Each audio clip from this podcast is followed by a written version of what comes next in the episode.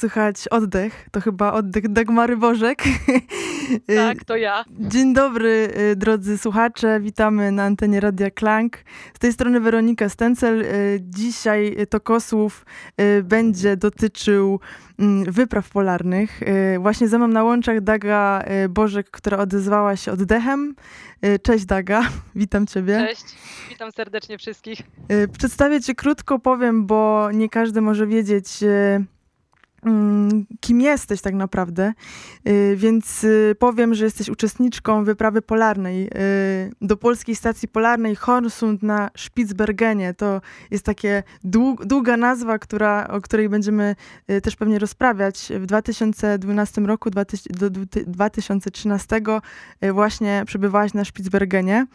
Y, Jesteś też, jesteś też uczestniczką 40. wyprawy y, antarktycznej y, do polskiej stacji antarktycznej imienia Henryka Arstowskiego na wyspie Króla Jerzego. Aż Kolejna mam zadyszkę. tak. I to był rok y, 2015 do 2016. Y, Z wykształcenia zajmujesz się tłumaczeniami, tak? Z języka polskiego na rosyjski. Uczysz też języka rosyjskiego. E, No, jesteś autorką książek. Pierwsza twoja książka Dom pod biegunem, go, Gorączka antarktyczna, e, Ryszard Czajkowski. Nie, przepraszam, Jezu, mylę. Jeszcze raz. Jeszcze Dom pod raz, to biegunem. Dom pod biegunem, Gorączka antarktyczna. Później Ryszard Czaj- Czajkowski, Podróżnik od zawsze. E, To był rok 2020. E, No i teraz nowa, nowa rzecz, która wychodzi, książka 3 listopada, Polarniczki, zdobywczynie podbiegunowego świata, w wydawnictwie Mando. No i tutaj e, ja też skromnie powiem, że miałam e, tutaj okazję współpracować z tobą e, i, i robić transkrypcję właśnie z rozmów e, z kobietami, z polarniczkami. Mów E, nieskromnie, bo uf. to była ogromna, tytaniczna praca z twojej strony, za którą ci bardzo, bardzo dziękuję. Ja też ci dziękuję za, za propozycję, ale, ale cieszę się, że już wszystko to wypowiedziałam o tobie. To są ważne rzeczy, ale przyznam, że trudne do wymówienia czasami, bo właśnie pojawiają się tutaj takie nazwy jak Spitsbergen, jak e, Polska Stacja Antarktyczna Henryka Arstowskiego. E, I myślę, że to są miejsca nie wszystkim znane, e, dosyć egzotyczne tak naprawdę. I tylko garstka ludzi, a może, może nie garstka, ale, ale tylko właśnie wyprawowicze, wyprawowiczki i podróżnicy mm, mają szansę dostąpić e, tych warunków, tej przestrzeni, tego wszystkiego, co, co z tym związane. No i naszą dyskusję chciałabym zacząć od takiego podstawowego pytania właściwie, żebyś wytłumaczyła słuchaczom, żebyś powiedziała też y, y, coś takiego y, podstawowego właśnie o zimowaniach. Czym one są? Czym w ogóle jest zimowanie? Co, co to jest za y, czynność? Co to jest za czas? Ja w ogóle jeszcze nawiążę do tej naszej współpracy przy mojej trzeciej książce i to było dla mnie bardzo oży, ożywcze, ponieważ ja przez to, że jestem już zanurzona w tej literaturze polarnej, straciłam dystans i czasami zakładam, że ktoś już coś wie i dla niego wszystko jest jasne, więc to, że na przykład pracowałaś nad transkrypcjami i dodawałaś swoje komentarze, miałaś pytania, dla mnie to w ogóle było bardzo takie uświadamiające, jakie to jest wyzwanie dla ciebie, żeby te wszystkie nazwy weryfikować, sprawdzać. Miałaś takie też komentarze świadczące o tym, że sama poszukujesz odpowiedzi na niektóre pytania, więc bardzo ci za to dziękuję, bo było to dla mnie takie postawienie do pionu. Hej, Daga, mów językiem bardziej wyraźnym albo nie zakładaj pewnej wiedzy u słuchacza, bo tak jak mówiłaś, regiony polarne faktycznie, mimo tego, że pojawiają się w mediach, to są nie do końca takie zrozumiałe dla większej rzeszy odbiorców. Zimowanie to jest jeden z przykładów żargonu polarników, można powiedzieć, i oznacza ono całoroczną pracę w stacji polarnej, całoroczne przebywanie w regionach polarnych. Czyli jeżeli ktoś zimował, tak jak na przykład ja, albo jest zimownikiem, oznacza, że uczestniczył w całorocznej wyprawie polarnej. Mhm. No a y, polarniczka, polar, polarnik, y, bo nad tym się też zastanawiałaś, to jest bazowe pytanie, od, której, od którego też wychodziłaś w książce i często pytałaś y, swoje rozmówczynie. Ich było bardzo dużo. Ja, ja każdą właśnie rozmowę przesłuchiwałam i byłam ciekawa, y, jak y, podchodzą do tego pojęcia polarniczka. Ona też y, interesowała cię ze względu na język. Bo jest feminatywem. I, I zastanawiała się, czy ma w ogóle użycie, czy, czy polarniczka ma zastosowanie w języku, czy jest ważna dla kogoś, czy to rozróżnienie jest ważne. Jakbyś powiedziała, dlaczego mm, to cię też interesowało? Skąd ten pomysł, żeby zebrać historię kobiet Mhm. To może zacznę od terminologii, bo ja jestem filologiem z wykształcenia, więc mnie to bardzo interesowało, jak po pierwsze definiujemy zjawisko bycia polarnikiem i od razu mówię, że ono w naszej polskiej terminologii jest dość niejednoznaczne.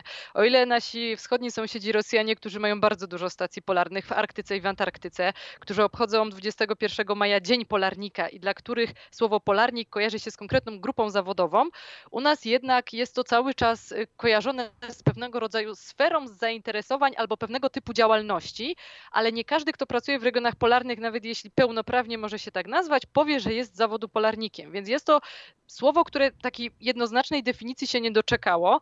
Ja spotkałam się z takim wyjaśnieniem od takiego najbardziej, powiedziałabym, konkretnego i takiego surowego wręcz, że polarnikiem może być tylko ten, y, albo ta osoba, ta, ta, ten kobieta, ta mężczyzna, ten, ten, ten mężczyzna, ta kobieta, y, którzy spędzili rok w regionach polarnych, tam pracowali w stacji polarnej. Natomiast też spotykam się z określeniem, że to jest osoba, która w ogóle pracowała w regionach polarnych, przebywała tam bez względu na długość tego okresu.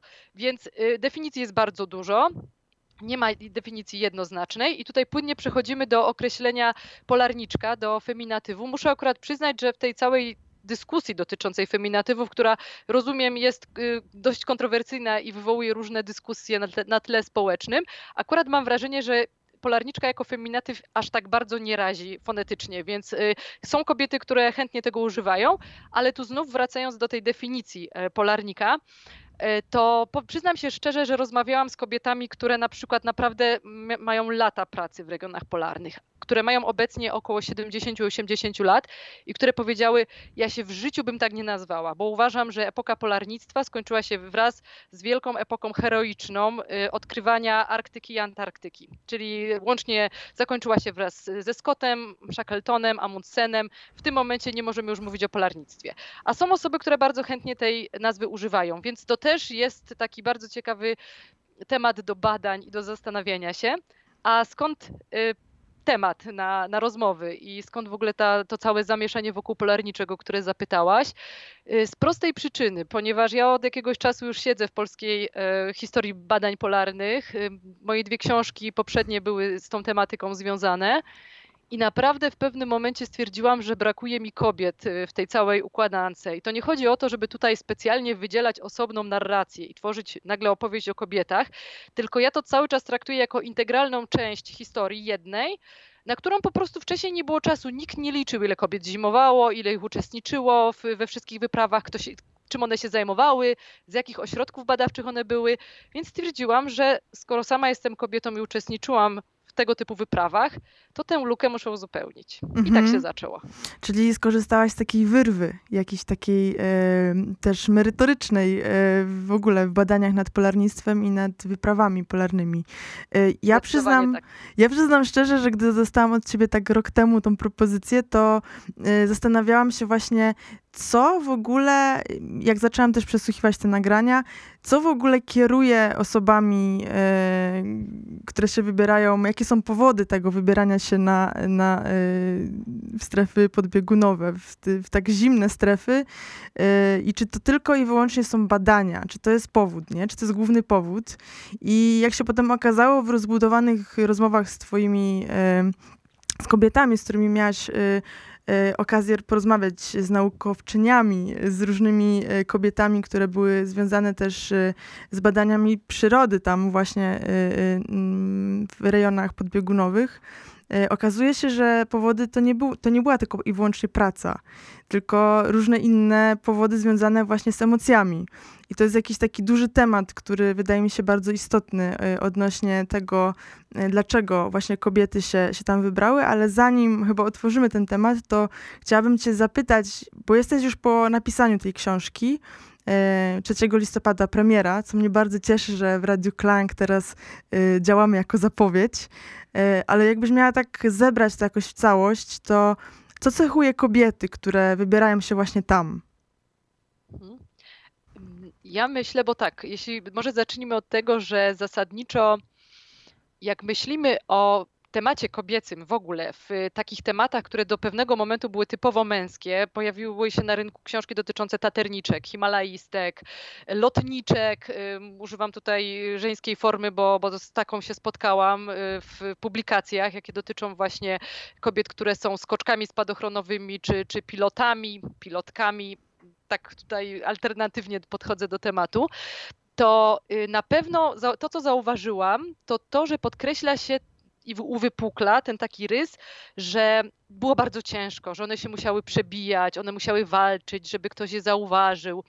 A ja odniosłam takie wrażenie, rozmawiając y, z moimi y, bohaterkami, że z jednej strony oczywiście chcąc realizować swoje marzenia, musiały czasami się rozpychać łokciami, musiały udowadniać y, swoją wartość, musiały dużo pracować, ale to, co rzuciło mi się w oczy na pierwszym planie, to to, że w większości są to kobiety o bardzo silnym charakterze, o bardzo dużych i ciekawych zainteresowaniach, które mają potrzebę ciągłego rozwoju poznawania świata, poznawania y, tego, co je otacza, a więc ciekawość taka wrodzona.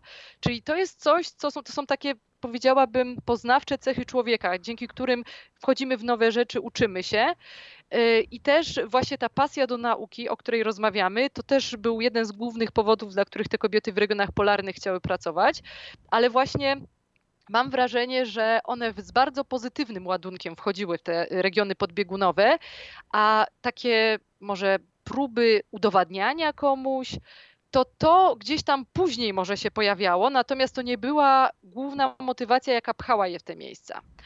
Yy, oczywiście potem już możemy mówić, i to już jest taki rys, który się bardzo uwypukla, że w większości osób, które zetknęły się z regionami polarnymi, to dotyczy ludzi w ogóle, y, jest to, że często te biografie dzieli się na okres przed pierwszą wyprawą i to, co było później. Czyli pobyt w regionach polarnych jest tak silny, tak żłobi y, pewne wrażenia estetyczne, emocjonalne, podejście do świata na nowo w tym co nas buduje, że my tak naprawdę już nie jesteśmy wejść, w stanie wejść w to poprzednie życie, w to, te poprzednie buty, które zostawiliśmy jeżdżąc w regiony polarne. I to jest coś, co się co jest y, bardzo wyraziste, a więc pojawia się tęsknota, pojawia się zachwyt, taki rodzaj szczęścia, że mogliśmy tam być, mogliśmy tam pracować. I tylko w nielicznych przypadkach mogę powiedzieć, że są osoby, które przeszły na tym do porządku dziennego, mówiły: To była moja praca, wróciłam, y, życie potoczyło się inaczej, zapomniałam, miło, że pani o to pyta, ale nie ma już do czego wracać. I takich przypadków chyba no, z tymi, tych, z którymi ja się spotkałam, jest, y, można je policzyć na palcach jednej ręki. Mhm. A dlaczego ty się zdecydowałaś zimować? Jak to było? Jak, czy pamiętasz to uczucie, kiedy podejmowałaś decyzję? Pierwszy raz. Y, to w ogóle było chyba właśnie ta, ta niesamowita ciekawość, bo ja przyznam się szczerze, akurat nie należę do grupy osób, które marzyły od dziecka o wyjeździe do stacji polarnej. Oczywiście czytałam Centkiewiczów, dla mnie to w ogóle była jakaś totalna egzotyka, ale nie tak na przykład jak moja przyjaciółka serdeczna Asia Plenzler, która, z którą zimowałam na stacji Arctowskiego, a która na przykład od dziecka autentycznie marzyła o tym, żeby pojechać do stacji polarnej, rysowała pingwiny, rysowała nawet Amundsena chyba i faktycznie pojechała pracować, była na dwóch zimowaniach, więc dla mnie to było tak, że ja się po prostu w pewnym momencie dowiedziałam, że jest taka możliwość e, i jakie emocje mi wtedy towarzyszyły. To było coś tak niebywałego, że w ogóle wcześniej w strefie moich zainteresowań nawet by, bym sobie czegoś takiego nie wymyśliła. To było na zasadzie tak, jakby ci ktoś dał nie wiem, bilet na lot w kosmos i powiedział, że masz pięć dni na zastanowienie się, czy zdążysz się spakować, przygotować i czy faktycznie wsiądziesz na pokład tego promu kosmicznego na przykład. Więc oczywiście ja nie miałam wtedy żadnej gwarancji, że, że się dostanę, ale to było coś absolutnie niesamowitego. Sam fakt w ogóle przygotowywania takiej aplikacji spojrzenie na mapę, gdzie ta stacja się znajduje, bo mój stan wiedzy dotyczący regionów polarnych tak mniej więcej wyglądał, że Spitsbergen to jest gdzieś na północy, że to nie jest Norwegia, gdzie jest to gdzieś wyżej, ale dopiero mm. rzut oka na mapę mi uświadomił, aha, to już jest wysoka Arktyka. No więc... Ja sobie też to, to musiałam sprawdzić. Jak mi powiedziałaś o Spitsbergenie, to też musiałam sobie sprawdzić, gdzie to jest, powiem szczerze. Bo no wcześniej się, się, się, się tym nie interesowałam, tak. Tak, więc to jest coś takiego, że wiemy, że to jest daleko na północy. No już potem faktycznie no bycie na przykład na tym drugim zimowaniu na Wyspie Króla Jerzego, która jest odległa ponad 14 tysięcy kilometrów w linii prostej od Polski, to już jest totalny odlot i faktycznie jak się wraca na przykład, to już te odległości tak bardzo nie straszą. Ma się wrażenie, że wszędzie jest blisko, ale, ale tak, to, to są takie odczucia z pogranicza tych magicznych, fantastycznych, takich towarzyszących bohaterom chyba bajek, którzy spotykają smoki. Mhm. Y, Dagmara jest też fanką fok. Y, zawsze o tym mówi i zawsze chętnie o tym mówi. I też chciałam zapytać, czy u ciebie ta fascynacja zwierzętami, fokami narodziła się przed wyprawą, czy w trakcie wyprawy, albo jakoś, nie wiem, tęskniłaś później i to się jakoś bardzo mocno rozwinęło w tobie? no, głęboko, mocno pogłębiona fokofilia i towarzyszy mi od 13 roku życia, kiedy dostałam pierwszą maskotkę foka od mojej mamy i to ona jest tutaj głównym powodem tej całej późniejszej miłości do tych zwierząt, która trwa nieprzerwanie, więc przyznam się szczerze, że naprawdę jak brałam udział w rekrutacji, w rozmowie kwalifikacyjnej, która mnie dość mocno zaskoczyła w ogóle, że mnie na nią zaproszono, na pierwszą wyprawę i wtedy przyszło takie dziewczę, 26-letnie, które naprawdę, no wiedziało już, gdzie jest ten Spitsbergen, ale naprawdę nie miało zielonego wyobrażenia, jak wygląda praca w stacjach polarnych. Kiedy zapytano mnie o główną motywację, jakiś odruchem, nie wiem, ostatnim jakiegoś trzeźwego umysłu stwierdziłam, że uczestniczę w rozmowie tak nietuzinkowej, że ja nie mogę odpowiedzieć, że chcę pracować w ciekawym miejscu z interesującymi ludźmi, czyli takie standardowe podejście jak na mhm. rozmowach kwalifikacyjnych.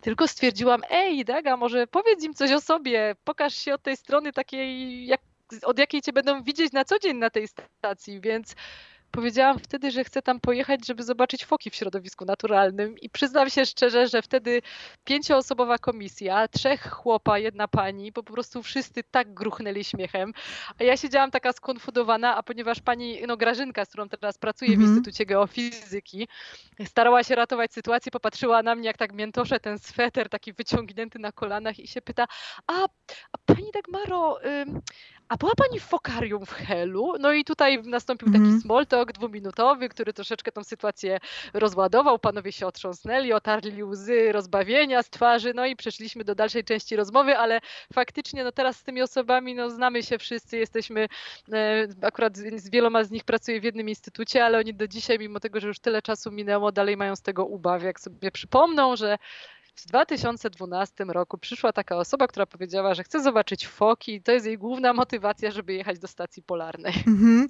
No ale później już, jak byłaś na Spitsbergenie, y, czy udało ci się zetknąć od razu z foką? Jak to było to, te spotkania z, z fokami, y, focze spotkania? Y, tak, one były Aranżowałaś je?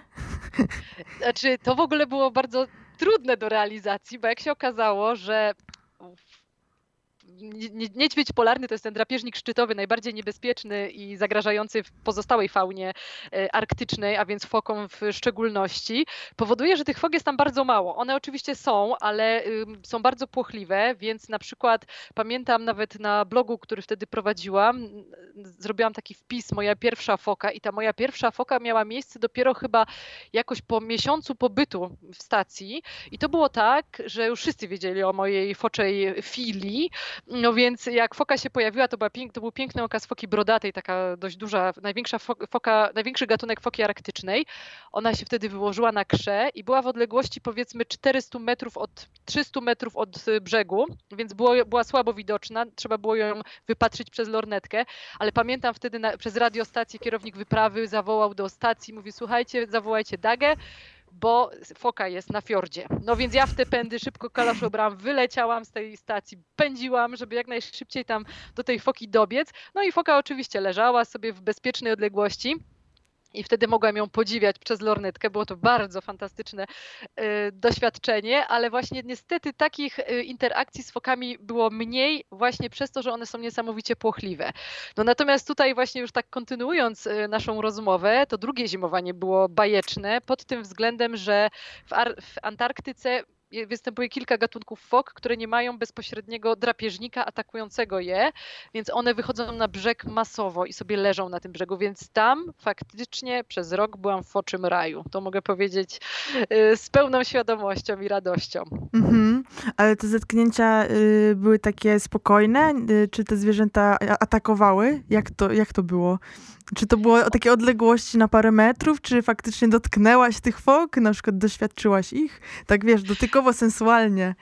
Tak, to jest w ogóle super. No to mogę tutaj o, o, Antarktyce, o południu najwięcej poopowiadać, bo tych interakcji z fokami było dość dużo. One zazwyczaj były płochliwe, y, no bo jednak człowiek jest taki dla nich raczej czymś dziwnym i lekko może przerażającym, natomiast zasadniczo y, mogą też być ciekawskie. Natomiast pamiętam, była taka sytuacja, jak przyjechaliśmy do stacji i to był, no parę dni tam raptem byliśmy, przy, przypłynął sobie taki mały krabojad. Foka, krabojad albo krabojad foczy to się nazywa i ona faktycznie jest specyficzna, bo ona potrafi szczerzyć zęby i mocno pofuczeć, jak się na kogoś zdenerwuje. Mm. To jest faktycznie jedyna foka mm, antarktyczna, oprócz jeszcze y, amfitryty lamparci albo lamparta morskiego, która jest faktycznie niebezpieczna. I pamiętam ja taka zadowolona, że taka mała, śliczna foczka sobie położyła się koło stacji, oczywiście na ścieżce, były obok zaspy śniegu i ten, na tej ścieżce udeptanej idealnie ta foczka mała sobie leżała, więc ja tak podchodzę i o Boże, foczka! A ta foka jak się nie, no nie powiem rzuci, ale jak nie fuknie, jak zaczęła pełznąć w moją stronę. Ja się tak przeraziłam, bo nie spodziewałam się takiej reakcji po takiej małej foce. Więc oczywiście wpadłam w zaspę, wywaliłam się tam. No i tą fokę trzeba było dookoła obchodzić, bo ona mm. naprawdę tak zęby szczerzyła i mocno podpe podpełzywała groźnie w stronę człowieka. Ale tak to to przyznam się szczerze, że tak, że bardzo chętnie sobie przesiadywałam, patrzyłam na te foki i przyznam się szczerze tak mm, ukradkiem. Tego się oczywiście nie powinno robić, ale nie mogłam się powstrzymać. Jak już wiedziałam, że zbliża się czas wyjazdu, to tak jednym paluszkiem fokę Wedela musiałam po ogonku dotknąć, żeby poczuć, jaką one mają fajną sierść. Ona oczywiście była bardzo zdziwiona, że o co tu chodzi w ogóle, jak śmiesz, ale musiałam. Nie wolno mm -hmm. tego oczywiście mm -hmm. robić, mówię od razu, no bo to jednak są dzikie zwierzęta, ale moja słabość niestety nie została utrzymana na wodzy wtedy. Ale, ale się udało doświadczyć. E, tak. Ja na chwilę przerwę twoją opowieść e, o fokach i zaprezentuję ci taki króciutki utwór, który znalazłam dzisiaj. E, zespół się nazywa Grand Island i piosenka o tytule Spitsbergen. I chciałam ci to puścić, żebyś usłyszała.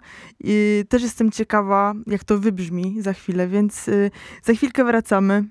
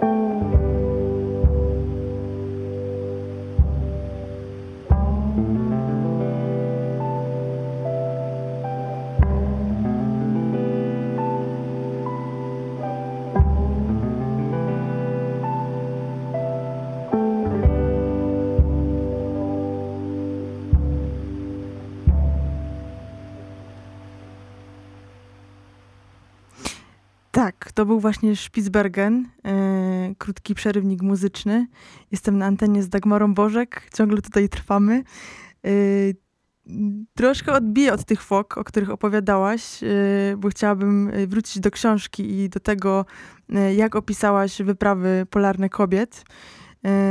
I tak się zastanawiałam, jak też dostałam od ciebie materiały, jak to jest. Czy to faktycznie jest tak, że te wyprawy są takie spektakularne, że tam się tak strasznie dużo dzieje i że to są ciągłe y, jakieś takie wyprawy górskie y, po lodowcach, zdobywanie tych szczytów, y, że właśnie doświadcza się tej fauny, flory, zwierząt, y, które są dzikie, egzotyczne, y, ale wiele twoich rozmówczyń, które opowiadały o Spitsbergenie, mówiły po prostu o pracy o pracy, która była w takich zwykłych warunkach, e, często przy monitorach, e, często na miejscu, nie oddalając się właśnie z tej bazy.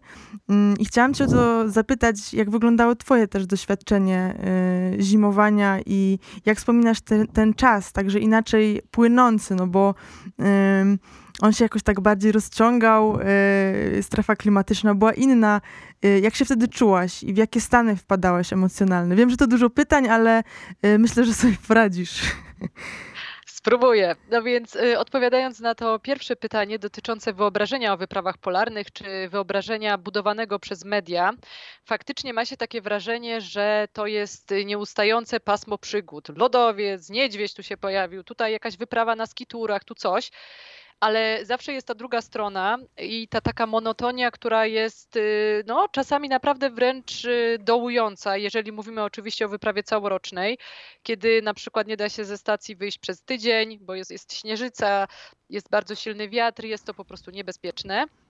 Więc y, też trzeba sobie zdawać sprawę, że tam mimo wszystko, mimo tej pięknej przyrody dookoła, mimo tych zachwytów, mimo, mimo tych wyjść w teren, oferta spędzania czasu wolnego jest tam dość mocno ograniczona i ona tak naprawdę jest uzależniona od tego, w jaki sposób sami sobie to poukładamy. Więc kiedy ja na przykład mówiłam o monotonii, o tym, że zdarzało nam się zimą, że pory posiłków i to, co było na obiad, odróżniały nam poniedziałek od piątku, środę od niedzieli, to nie wszyscy mi chcieli wierzyć.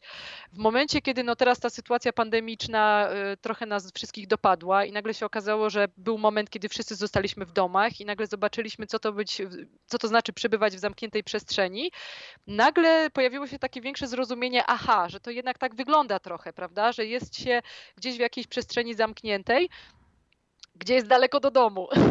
Tak, to mniej więcej tak, tak wygląda. Tak. E, także oczywiście y, mówi się, jeżeli chodzi o takie kwestie psychologiczne, że dobrym kandydatem na wyprawę polarną jest osoba, która z jednej strony potrafi funkcjonować w grupie, jest otwarta, wchodzi w różnego rodzaju interakcje, ale to też jest osoba, która ma takie skłonności, powiedziałabym, introwertyczne w takim znaczeniu, że lubi ze sobą przebywać i potrafi sama sobie czas zorganizować, nie potrzebuje dodatkowego bodźcowania. Więc y, faktycznie y, to spędzanie czasu wolnego w stacji, ja tak z mojego doświadczenia mogłam podzielić y, na takie okresy letnie i okresy, okresy zimowe. Latem, kiedy w stacji było więcej osób, kiedy więcej się działo, było bardzo dużo wyjść w teren, E, natomiast zimą, kiedy już byliśmy w tej grupie takiej e, mocno okrojonej, liczącej e, łącznie 10 osób, to wtedy się okazywało, że faktycznie te zajęcia w podgrupach były takie bardziej popularne. No i tutaj już kwestia własnej kreatywności pozostawała, co z tym czasem zrobić. Faktycznie z jednej strony czasu ma się bardzo dużo, ale ponieważ y, my jednak jako ludzie musimy tak, znaczy tak funkcjonuje nasz organizm, że jednak to bodźcowanie musi być, musi być ten element czasami takiego pozytywnego stresu, który nas, y, wy, na nas wymusza albo zachęca, nie wiem, wstanie rano, zrobienie y, czegoś, zaangażowanie się w jakiś projekt, pójście do kina. Tam to wszystko jest mocno obniżone, więc to powoduje na przykład, że mamy o wiele więcej czasu niż tutaj, Możemy nauczyć się dwóch języków, możemy napisać książkę, doktorat, skończyć artykuł naukowy, po czym okazuje się, że zbliża się koniec zimowania, a nic z tych rzeczy prawie nie jest zrobione, bo wynika to y, z tego, że po prostu my jesteśmy spowolnieni. Nasz organizm wszystko zaczyna robić wolniej. Ja pamiętam na przykład pod koniec zimowania rozmowy z naszym kolegą, który był mechanikiem samochodowym z wykształcenia i z zawodu i y, równocześnie strażakiem zawodowym i on mówił, że w, do, że w Polsce prowadzi własną firmę, ma praktycznie czas y, 12 czasami godzinny e, dzień pracy, a tutaj mówi, słuchaj, ja trzy godziny popracowałem, jestem zmęczony i nie wiem, co się dzieje. Jego to strasznie frustrowało, ale to wszystko jest wytłumaczalne właśnie, jak ten organizm nasz funkcjonuje. Mówiłaś też o tym, że zwróciłaś też uwagę na ten aspekt związany z pracą, bo faktycznie, jak jedziemy w regiony polarne, to jedziemy tam w jakimś celu. Jesteśmy pracownikami e, placówki badawczej. Ja akurat nie pracowałam jako naukowiec, tylko pracowałam na stanowisku technicznym, ale mamy tam do wykonania jakieś e, swoje zadania. Jeżeli są to osoby, które są na stanowiskach naukowych, to one faktycznie bardzo dużo wykonują takich prac związanych z monitoringiem, z analizowaniem próbek, ze zbieraniem tych danych i to są powiedziałabym bardzo powtarzalne rzeczy, bo ja jako asystent terenowy miałam przyjemność z moimi koleżankami i kolegami wychodzić w teren i ja to obserwowałam i oni faktycznie co parę dni, to była różna częstotliwość w zależności od badań, robili to samo, wychodzili w określonym punkcie, tu pobrali próbkę, tu pobrali próbkę, tu pobrali próbkę, znowu 500 metrów dalej znowu to samo, więc z jednej strony każde wyjście było inne, bo była inna pogoda, myśmy za, zawsze się zachwycali tym, co nas otacza, bo, bo naprawdę no, trudno się nie zachwycać, ale ta praca była bardzo powtarzalna. Więc to są chyba też takie rzeczy, o których się nie myśli, e, kiedy słyszy się po raz pierwszy, że wow, w ogóle wyprawa polarna, jedziesz na wyprawę polarną. Więc tak. myślę, że to też warto spojrzeć, jak to jest z drugiej strony. No tak, też w książce starałaś się uchwycić ten przekrój doświadczeń kobiet i chciałam zapytać, czy ja, ja, nie liczyłam, ale ile, ile udało ci się zebrać y, tych rozmów z kobietami? Ile ich się pojawia w książce i na przestrzeni jakich lat właściwie? No bo to jest olbrzymie takie kalendarium się stworzyło, nie? U ciebie y, w tej tak. pracy.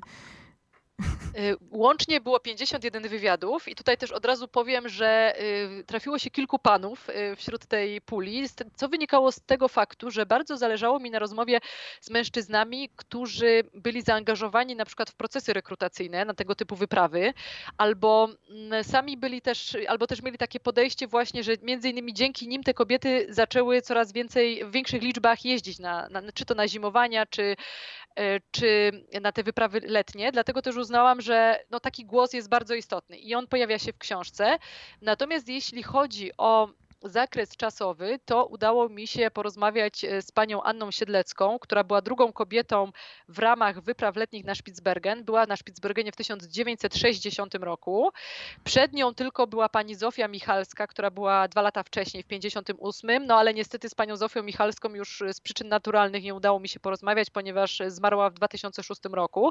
Więc od rozmowy z panią e, Siedlecką praktycznie do moich koleżanek polarniczek, które y, w 2019 roku, bo na tym roku kończy się jakby narracja książki, y, były albo w trakcie wyprawy, albo dopiero co z niej wróciły. Tak, i, i y, ja mam wrażenie, że, że w większości rozmów, znaczy w wielu rozmowach tych y, przede wszystkim współczesnych, tak sobie myślę, pojawia się wątek, który mnie zafascynował osobiście najbardziej. Chciałam cię też o to podpytać. E, czy uważasz, czy ty też tak miałaś, jak wyjeżdżałaś, e, że ta wyprawa była w jakiś sposób ucieczką od e, codzienności z powodu przebodźcowania, bo taki motyw, taki powód często był podawany przez, przez rozmówczynię. Tak, to jest niestety jeden, z, znaczy mówię niestety zaraz to wyjaśnię, jeden z powodów też, dla których czasami ludzie decydują się na jeżdżenie na wyprawy polarne, bo przebodźcowanie to jest coś takiego, że my chyba bardziej sobie uświadamiamy to przebodźcowanie, jak jesteśmy tam i wracamy. I nagle dochodzi do nas, o matko, pod wpływem ilu czynników my jesteśmy tutaj, jesteśmy bombardowani dźwiękami, zapachami, jakimiś obrazami i tam tego nie ma i tam faktycznie ten umysł można oczyścić i tego brakuje bardzo po powrocie. Natomiast jeżeli mówimy o takim powodzie przebodźcowania, ale czasami takimi różnymi sytuacjami, niekoniecznie pozytywnymi, to to już jest też coś, nad czym się warto zastanowić, bo jeżeli na przykład y, ludzie decydują się na wyjazdy w takie miejsca, ale ich motywacją jest to, że oni sobie tam odpoczną, albo problem sam się rozwiąże, albo przestanie istnieć, to jest nie do końca dobra motywacja i warto sobie ją przemyśleć, czy, war- czy należy iść w tę stronę, bo to nie jest tak, że problemy znikną, one będą tylko dalej, a z moich obserwacji raczej one oddziaływują na człowieka, który jest daleko. Y, człowiek się zamartwia, czasami ma lepsze albo gorsze dni i to też w jakiś sposób wpływa na grupę. Y, mówię to też jakby z własnego doświadczenia, bo był moment, kiedy w 2019 roku przygotowywałam się do swojego trzeciego zimowania, z którego się wycofałam właśnie z przyczyn osobistych, bo uświadomiłam sobie, że problem ja pojadę z problemem, którego, e, którego nie zostawię, którego nie rozwiążę i miałam świadomość, w jaki sposób to na mnie może wpłynąć i jaki, jak to może wpłynąć na osoby, z którymi będę pracowała pod jednym dachem. Więc w tym momencie stwierdziłam, że najlepszą decyzją jest zrezygnowanie z udziału w wyprawie i e, uważam, że to była bardzo dobra decyzja też z perspektywy czasu i też z perspektywy reakcji ludzi na te decyzje, którzy mi wręcz gratulowali, że to było bardzo odważne. Także myślę, że, że jeżeli pojawia się tego typu motywacja, z powodu której jedziemy, warto to przemyśleć. Mhm.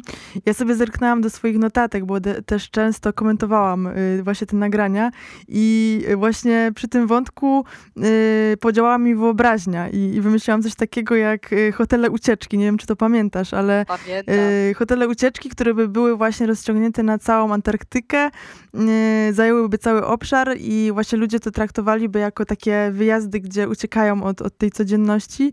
Yy, I zastanawiałam się też nad tym właśnie, czy to są, czy te ucieczki nie są przede wszystkim wewnętrzne, no bo właśnie to zewnętrzne, czyli mm, yy, obszary polarne no nie są w stanie załatwić tego, tego co mówisz, problemu wewnętrznego, yy, jakiegoś konfliktu, który tkwi, tkwi w człowieku, nawet jeżeli zobaczy wspaniałą przyrodę i, i coś fascynującego. E, co jest też, e, mam nadzieję, że wybrzmiało w twojej książce. Jeszcze nie miałam okazji jej przeczytać, ale e, to jest szalenie ważny wątek moim zdaniem też właśnie w, w kontekście tych doświadczeń kobiecych. I to często wybrzmiewało i mm, zastanawiałam się właśnie, jak, jak to połączysz. I właśnie też zanotowałam sobie taki, takie pojęcie jak symulakry polarnicze. ja się tutaj odwoływałam do, do teorii właśnie Baudrillarda i Chodziło mi o to, że mm, to też jest pewien pozór, nie? Wyjechanie i jakby zajęcie się czymś innym, zajęcie się przestrzenią, a nie zajęcie się sobą. I y, chyba bardzo ważne jest y, właśnie zwrot ku sobie, a nie na zewnątrz czasami, y, co oczywiście ludzie różnie traktują i różnie sobie z tym radzą, ale właśnie też mi o to chodziło, żeby, żeby to podkreślić, żeby to wybrzmiało. Ja tylko jeszcze ci tak? przerwę, bo ty poruszyłaś teraz bardzo ważny wątek, bo ludzie sobie nie do końca zdają sprawę, mam wrażenie, niektórzy w tej ucieczce, że właśnie tam jeszcze bardziej stajesz sama wobec siebie. I tam nie, nie, ma chyba innej przestrzeni, w której człowiek tak bardzo jest sam ze sobą. Więc y, ci tacy bardziej znający siebie, może mądrzejsi życiowo moi znajomi, którzy powiedzieli mi wprost, słuchaj, ja bym ze sobą oszalał, oszalała i bym w życiu dlatego nie pojechał, nie pojechała na stację polarną. To jest, to jest bardzo istotny wątek, to o czym mówisz. Mhm. No pojawiały się też takie słowa, że to jest chęć y, odcięcia się od kontaktu z ludźmi, dla spokoju, dla świętego spokoju i e, tak się zastanawiam właśnie, czy e, te elementy codzienności, które tak napadają i atakują, czy faktycznie one są same w sobie problemem, czy, czy bardziej podejście nie? Do, tych, do tych elementów i interpretacja tych elementów. Kto się z nami kontaktuje, jak wyglądają relacje międzyludzkie, jak ja się czuję w swoim życiu, co wybieram, może, może tu bardziej o to chodzi. E, nie chciałabym, żeby to zabrzmiało oceniająco, tylko po prostu bardziej do tego podchodzę jakby egzystencjalnie, filozoficznie. Zresztą znasz mnie i też mnie bardzo e, ciekawił zawsze właśnie język polarników, którzy e, używają różnych takich specyficznych określeń, na, przede wszystkim na przyrodę. I był taki moment, nie wiem czy też pamiętasz, że brakowało słów na wyrażenie tego zachwytu pod względem językowym i e, chciałam zapytać, dla mnie to było nie do pojęcia, że to doświadczenie, czy, czy, to doświadczenie według ciebie naprawdę wykracza poza język sam, polski, poza określenie, wiesz, tego, e, czym jest taka wyprawa, co tam się dzieje, e, czego się doświadcza, czy to jest tak trudne do, do uchwycenia? Myślę, że tak. I teraz zaczęłam się zastanawiać, z czego to może wynikać. Z jednej strony mam wrażenie, że my teraz y, żyjemy w takich czasach chyba silnej brutalizacji języka albo hiperbolizacji języka, że już nie można powiedzieć, że coś jest dobre, tylko wszystko jest mega fajne albo mega wspaniałe, fantastyczne, bajeczne i tak dalej. Więc my tracimy hierarchię.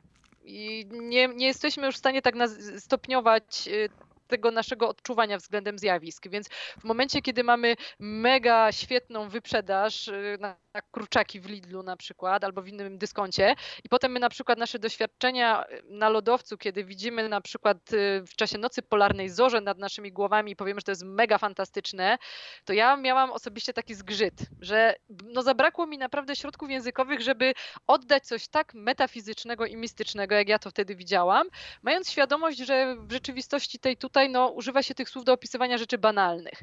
To jest jedna rzecz. A druga rzecz, faktycznie te stany emocjonalne, który, które ja doświadczałam momentami, będąc w terenie, które przepływały, to były takie jakieś milisekundy pewnych stanów. Ja próbowałam to uchwycić, ale to było bardzo, bardzo trudne. Ja miałam wrażenie momentami, że to jest jakby coś w rodzaju jakiegoś źródła, które e, przepływało przeze mnie. Dostawało się, znaczy ten, ten przepływ następował oczywiście przez bodźce zewnętrzne, z, smak, smak, czasami zmysły, węchu, wzroku, słuchu. I naprawdę wolałam nawet chyba zamilczeć, żeby czuć samą, sam ten przepływ, samą tą energię i nie bawić się w słowa, które chyba były zbyteczne, bo samej dla siebie nie musiałam tego nazywać, a często osoby, z którymi byłam w terenie, czuły coś podobnego, więc można było sobie powiedzieć, o patrz jak fajnie. Ktoś powiedział, no tak, fajnie, fajnie. No i co? I czy coś z tego wynikło? Więc y, czasami takiego milczącego bycia ze sobą człowiek też się uczył w takich momentach. I to mhm. było bardzo ciekawe, bo w tej przestrzeni, w jakiej tutaj teraz rozmawiamy, mam wrażenie, że my ją zapełniamy dźwiękami, bo męczy nas generalnie cisza co nie do końca jest dobre. Cisza może być znacząca i wcale nie jest krępująca. To też zależy od różnych sytuacji. Mm -hmm. No, myślę, myślę, że na pewno, ale też zauważyłam, że w, tym, w tej narracji kobiet, y, które przesłuchiwałam, które ty spisywałaś, które tworzyła, y, tworzyłaś do książki, y, te wszystkie opowieści zbierałaś w całość, dominował przede wszystkim zachwyt. Ten lęk był gdzieś w tle, lęk o, o to, co się ze mną dzieje w przestrzeni, o pewne zagrożenia, niebezpieczeństwa, o adrenalinę, ale jednak ten zachwyt y, wręcz urastał czasami do takich rozmiarów uzależniających, że ludzie chcieli wracać, y, że chcieli tam być, przebywać, doświadczać. Y, I on właśnie był y, taki, taki trzymający ich w ryzach. Y, a ten lęk, który mnie przede wszystkim przesłuchującej towarzyszył, gdzieś tam w tle migotał i było coś na zasadzie takiej. Mm, no, wiadomo, że jest niebezpiecznie, trzeba uważać. Czasami są zamiecie, śnieżyce, tak jak wspomniałaś już wcześniej, ale jednak ważniejsze jest to doświadczenie, nie?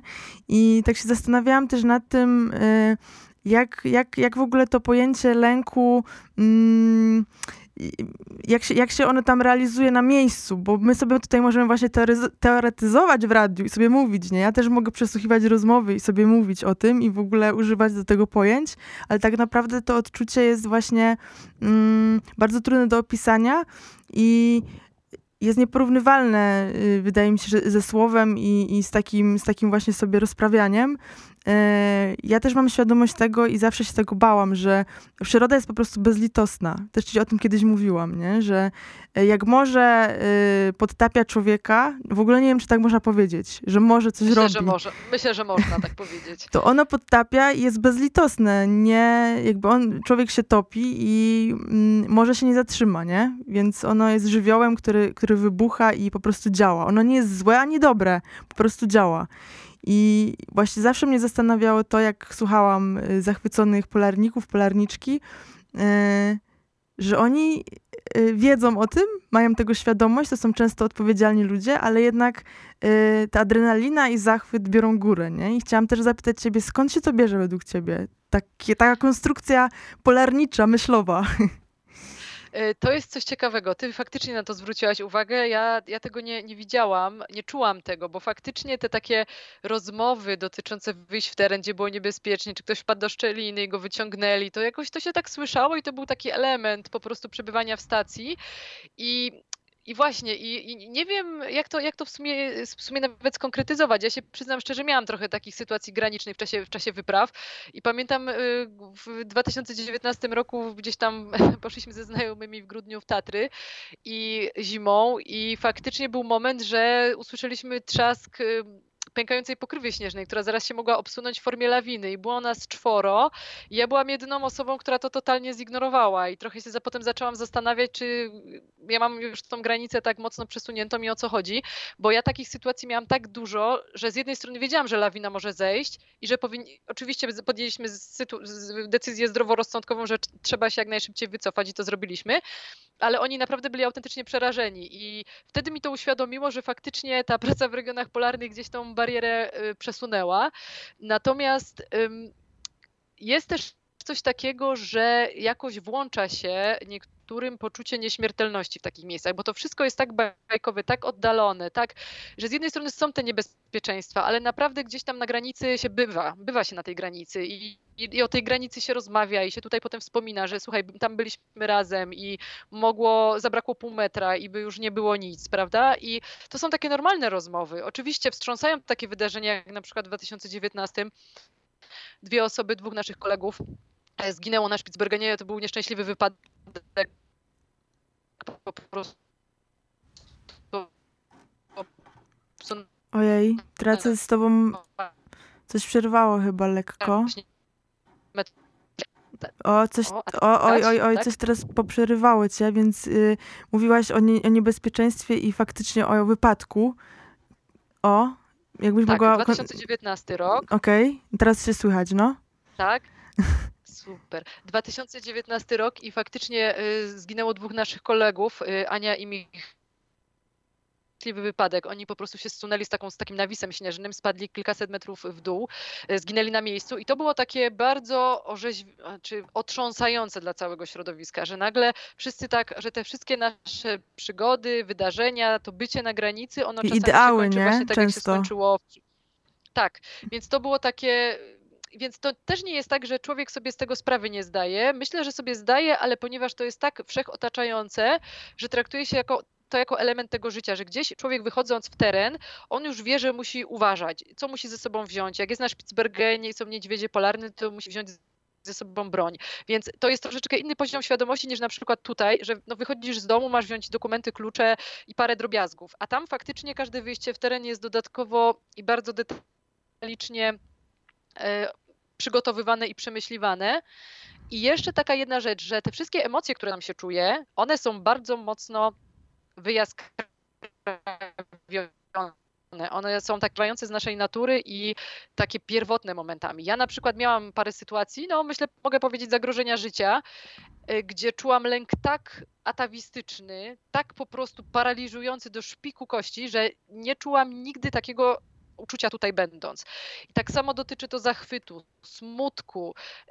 Tam po prostu Mhm, to Wyolbrzymione. jest, jak jesteśmy, tak, jest wyolbrzymione i jest takie może bardziej bliskie, bo tam naprawdę jest się bliżej natury. Jesteśmy przez brak tego bodźcowania, tego, tych takich y, y, synchronizatorów cywilizacyjnych, gdzieś tam po prostu bardziej wyeksponowani na to współodczuwanie z naturą, względem której mamy przywróconą naturalną hierarchię, bo tam czujemy, że jesteśmy naprawdę bardzo malutcy w stosunku Mhm. do tego ogromu. Tak. I to już nie jest tak, że tutaj człowiek narzeka, że pogoda, że zimno, że coś, tylko tam po prostu ta pogoda, tak jak czy to morze, o którym wspomniałaś, naprawdę może zabić. Mhm. No, też mi się przypomniał taki wątek teraz, y, to było przy okazji rozmowy z, paną, z panią Anną Grebieniow, wątek y, o trudności człowieka z zaakceptowaniem spraw od niego niezależnych, czyli po prostu walka z tym, że tak jak mówisz, y, pojawia się śnieg, pojawia się cokolwiek, co przeszkadza w wyprawie, po prostu nie, nie idziesz, nie? No bo to jest właśnie też zagrożenie i uświadomienie sobie tego, że nie mamy wpływu na tą rzeczywistość nałożenie sobie planu czasami dnia, chyba jest bardzo dotk- dotkliwe też y, w stacji polarnej i y, skłania do refleksji, nie? I trzeba sobie poradzić z czasami, nie wiem, z wkurzeniem, z jakimś perfekcjonizmem, z takimi różnymi cechami, które no, prowadzą do kontroli, nie? Rzeczywistości, bo człowiek dąży często do, do kontroli tego, co się z nim dzieje, a tutaj traci się tą kontrolę często, nie? I trzeba zdać się na na to, co się dzieje, więc y, też można powiedzieć, że wyprawy to jest dużo wyzwanie y, takie poradzenia sobie z emocjami, nie? Przede wszystkim. Ja, ja do tego przynajmniej tak, y, tak to próbowałam odczytywać zawsze, jak, jak wysłuchiwałam tych, y, tych opowieści. Y, I, I chyba też na tym się skupiasz w książce, na tym, jak, jak kobiety radzą sobie y, też z emocjami, ze swoimi rolami, bo ten wątek też jest bardzo ważny, jaka, jaka była rola y, kobiet na, na wyprawach, jak ciężko im się było tam dostać, e, a jak później się to trochę zmieniło, nie? I, i jak też grupy e, polarników, polarniczek, którzy wyjeżdżali, się w stosunku do siebie zachowywali się w stosunku do siebie, nie? Znowu poruszyłam wiele wątków, ale mam wrażenie, że to wszystko się razem ze sobą łączy, nie? I, i, i chciałam zapytać, e, czy, czy, to, czy coś z tego, co wymieniłam, było dla ciebie szczególnie ważne? Czy, czy, czy trafiłam w coś, co, co też uchwyciłaś e, w książce? Hmm, to znaczy właśnie teraz tak się zastanawiam z tych, z tych najważniejszych wątków, to chyba to takie poczucie, że brak planowania czasami jest najlepszym wyjściem z danej sytuacji. E, W polarnictwie używamy określenia dynamiczne planowanie. I przyznam się szczerze, że to było coś, czego ja na początku nie mogłam zrozumieć, e, bo byłam przyzwyczajona, jak się pojawiłam na Spitsbergenie, że wszystko musi być zaplanowane o konkretnej godzinie i tak dalej. I ja naprawdę z tego powodu przez pewien czas przeżywałam pewną frustrację. E, po czym, e, no oczywiście to trochę tam musiało potrwać. Po, po pierwszym zimowaniu, kiedy wróciłam, zrozumiałam, że to dynamiczne planowanie to jednak wcale nie musi być coś negatywnego, jak mi się wydawało z początku, tylko to daje człowiekowi luz, że oczywiście jest plan, jest harmonogram, ale są sytuacje jakieś graniczne, które uniemożliwiają nam wykonanie czegoś w danym momencie i też jak coraz bardziej zaczęłam sobie takie podejście w sobie wypracowywać, okazało się, że dużo takich frustracji czy sytuacji stresujących mi odeszło, kiedy po prostu przestałam się przejmować rzeczami, na które nie mam wpływu. I to jest jedna z takich piękniejszych lekcji, jakie mi dało właśnie jedno i drugie zimowanie. I mhm. myślę właśnie, że to też jest coś takiego, co przejawia się w tych rozmowach. To też takie poczucie, że takiej pokory wręcz, bym powiedziała momentami, mniejszego narzekania na niektóre rzeczy, większej otwartości, takiego właśnie wyluzowania, o którym wcześniej mówiłam. To są fajne cechy. Wydaje mi się, że one też y, ułatwiają nam później życie. Nie stresujemy się niektórymi sytuacjami, natomiast z drugiej strony mamy potem problem z dostosowaniem się do pewnych konwenansów nie rozumiemy pewnych sytuacji. Ja mam z tym nieustanny problem, bo ktoś emocjonuje się bardzo prostą sytuacją, pakuje tam bardzo dużo emocji negatywnych, a ja tego słucham i sobie myślę, czy ja się powinnam współangażować w to wszystko. Mm -hmm. I sobie myślę, że nie chcę, bo nie czuję w ogóle potrzeby, żeby to było istotne, ale ze względu na to, że tutaj to rozmówca mi opowiada, no jakoś muszę, muszę zareagować. I, takich, I w takich momentach sobie uświadamiam, że może jednak to podejście, y, które człowiek ma po powrocie z zimowań, nie zawsze się zbiega z tym, co tutaj tak ogólnie można powiedzieć panuje, ale z drugiej strony też swój swego wyczuje, więc y, też y, trochę zmieniło mi się grono znajomych po tych zimowaniach, muszę przyznać, i to było dość dobre i dla każdego chyba. Mhm.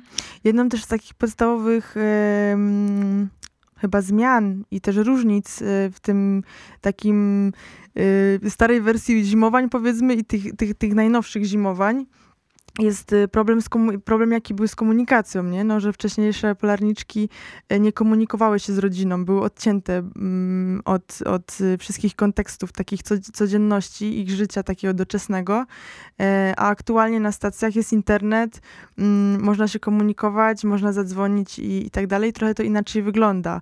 E, a ty, rozumiem, doświadczyłaś tej, e, tej wersji z internetem jeszcze, znaczy już. tak, wersji już, wersji tak. z internetem, ale chyba jeszcze nie aż tak mocno wchodzącej w zachowania na stacji polarnej, bo oczywiście ja mogłam sobie porozmawiać na Skype'ie, kiedy chciałam z moimi rodzicami i często udawało się nawet z obrazem taką rozmowę przeprowadzić, bo łącze na przykład było na tyle e, stabilne i pogoda sprzyjała, ale na przykład nie było takich sytuacji, że ktoś chodził e, ze smartfonem po stacji i na przykład przy śniadaniu sobie przeglądał Facebooka. Teraz już to się zdarza. I właściwie ja już nawet słyszałam, że są wyprawy, na których wręcz zakazuje się brania ze sobą smartfona y, na wspólne posiłki, żeby ludzie ze sobą rozmawiali. Więc y, u mnie na moich wyprawach jeszcze tego nie było, ale no tak to się, tak to się zmieniło. I na przykład mm, już y, czy to jest dobre, czy to jest złe? No jest to jakiś znak czasów. Kwestia po prostu, jak się ludzie w tym odnajdują, bo z jednej strony chcemy przeżywać jakąś przygodę, chcemy być, kontemplować tą przy, przyrodę, być sami ze sobą, ale mamy poczucie i chęć, że jednak chcemy się tym dzielić z innymi, więc tutaj sobie z jednej strony kontemplujemy, ale z drugiej myk na Instagrama wrzucamy potem fotkę, że na przykład robiliśmy sobie sesję jogi e, na, pod lodowcem, bo akurat no, tak, tak nam w duszy grało w tym momencie, więc to jest chyba jakaś taka no, nasza potrzeba, mm, potrzeba naszych czasów. Nie chcę tego y, tutaj oceniać i wchodzić też w taką rolę, że no, na dawnych zimowaniach to, to tak, było tak. łatwiej i lepiej. Po prostu chcemy Bo inaczej. z udogodnień cywilizacji. Mhm, tak. mhm, mhm. Y, dobrze, to zróbmy chwilkę przerwy. Powoli będziemy musiały kończyć, bo, bo godzina minie, ale odetchnijmy trochę, nabierzmy powietrza i, i wrócimy jeszcze za chwilkę.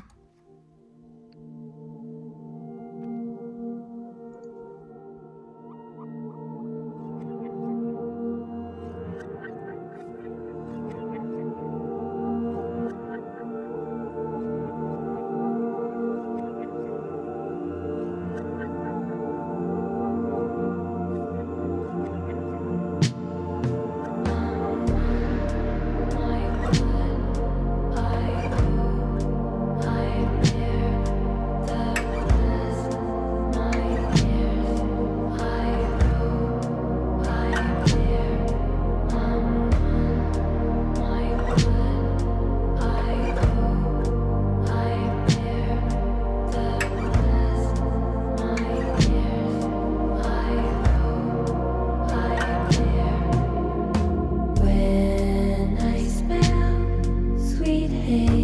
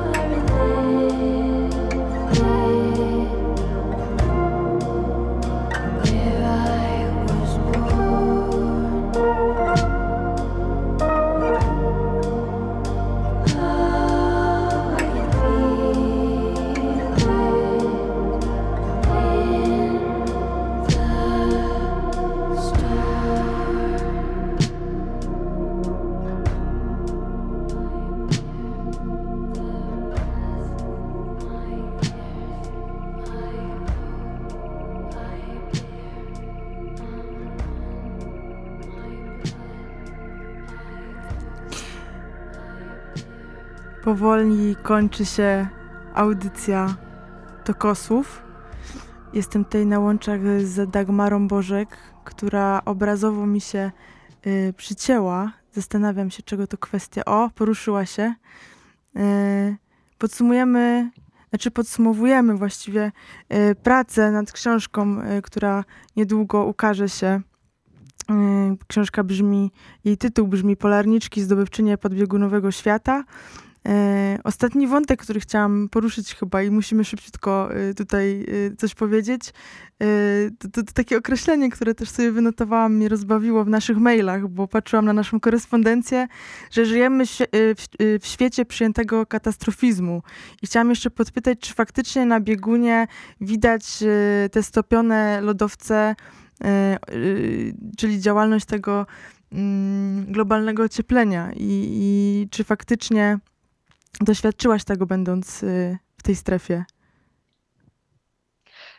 Znaczy, jeśli chodzi o kwestię globalnego ocieplenia, to tak za bardzo się też nie chcę wypowiadać, bo ja naukowcem, klimatologiem nie jestem, więc oczywiście to, że te zmiany są, to, to jest prawda. Natomiast mnie bardziej smuciły śmieci, które ja regularnie zbierałam chodząc w teren i to były śmieci e, przyniesione przez prądy morskie z bardzo odległych czasem pewnie miejsc na świecie, które docierały w te dziewicze tereny Arktyki i Antarktyki, gdzie ludzi w ogóle nie było. I to było mhm. strasznie smutne. I to spowodowało taką moją refleksję, że nas już może nie być, ale te nasze śmieci nas przeżyją. I z tym takim łagodnym katastrofizmem wróciłam z tych zimowań. On się cały czas mhm. u mnie utrzymuje. Ale nie kończmy, nie kończmy takim y, katastrofizmem. Mi się wydaje, że trzeba tu przerwać. Przerywam ten wątek. Tak, y przerywamy, koniec. I chciałabym zapytać, bo, bo zostało, nam, zostało nam parę minut, czy chciałabyś jakoś y, jeszcze zapowiedzieć swoją książkę, powiedzieć parę słów. Jak, jak się czujesz w ogóle po napisaniu tej książki, po tak dużym podsumowaniu, po kontakcie z tym, tyloma kobietami, y, tyle informacji, które zdobyłaś, które udało ci się zebrać. Jak się czujesz po prostu? Ja czuję wdzięczność. Wdzięczność, że miałam naprawdę niesamowitą okazję poznać tyle wspaniałych kobiet, które y, zimowały, pracowały w regionach polarnych i cały czas to robią. Kobiet, które jeździły jako pierwsze na wyprawy polarne, kobiet, które są młodsze ode mnie, że łączy nas y, ta fascynacja do regionów polarnych, y, że z drugiej strony też możemy porozmawiać o takich problemach, które nas łączą, które nas dotyczą. Naprawdę jestem wdzięczna za to wszystko, co się wydarzyło. Oczywiście była to olbrzymia, momentami tytaniczna praca. Y, byłam bardzo zmęczona momentami, ale też nie ukrywam, że osobiście ta książka przypadła na bardzo taki mm, dobry, pod względem momentu czas w moim życiu, ale też i trudny, bo ja byłam na etapie bardzo silnych zmian i rozmowy już takie po wyłączeniu dyktafonu z wieloma kobietami, które opowiadały mi o podobnych problemach, bardzo wsparły mnie na duchu, więc to jest też książka osobiście dla mnie bardzo ważna, która mi pomogła też pozbierać się po niektórych rzeczach. Także, także dziękuję y, wszystkim, którzy się przyczynili do tego, że to mogło powstać, a Was y, drodzy słuchacze, zachęcam do sięgnięcia po polarniczki zdobywczynie podbiegunowego świata.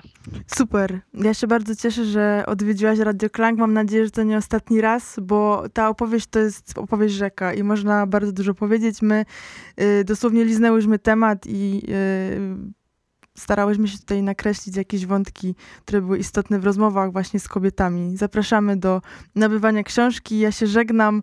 Y, do usłyszenia. Bardzo dziękuję, do usłyszenia. Radio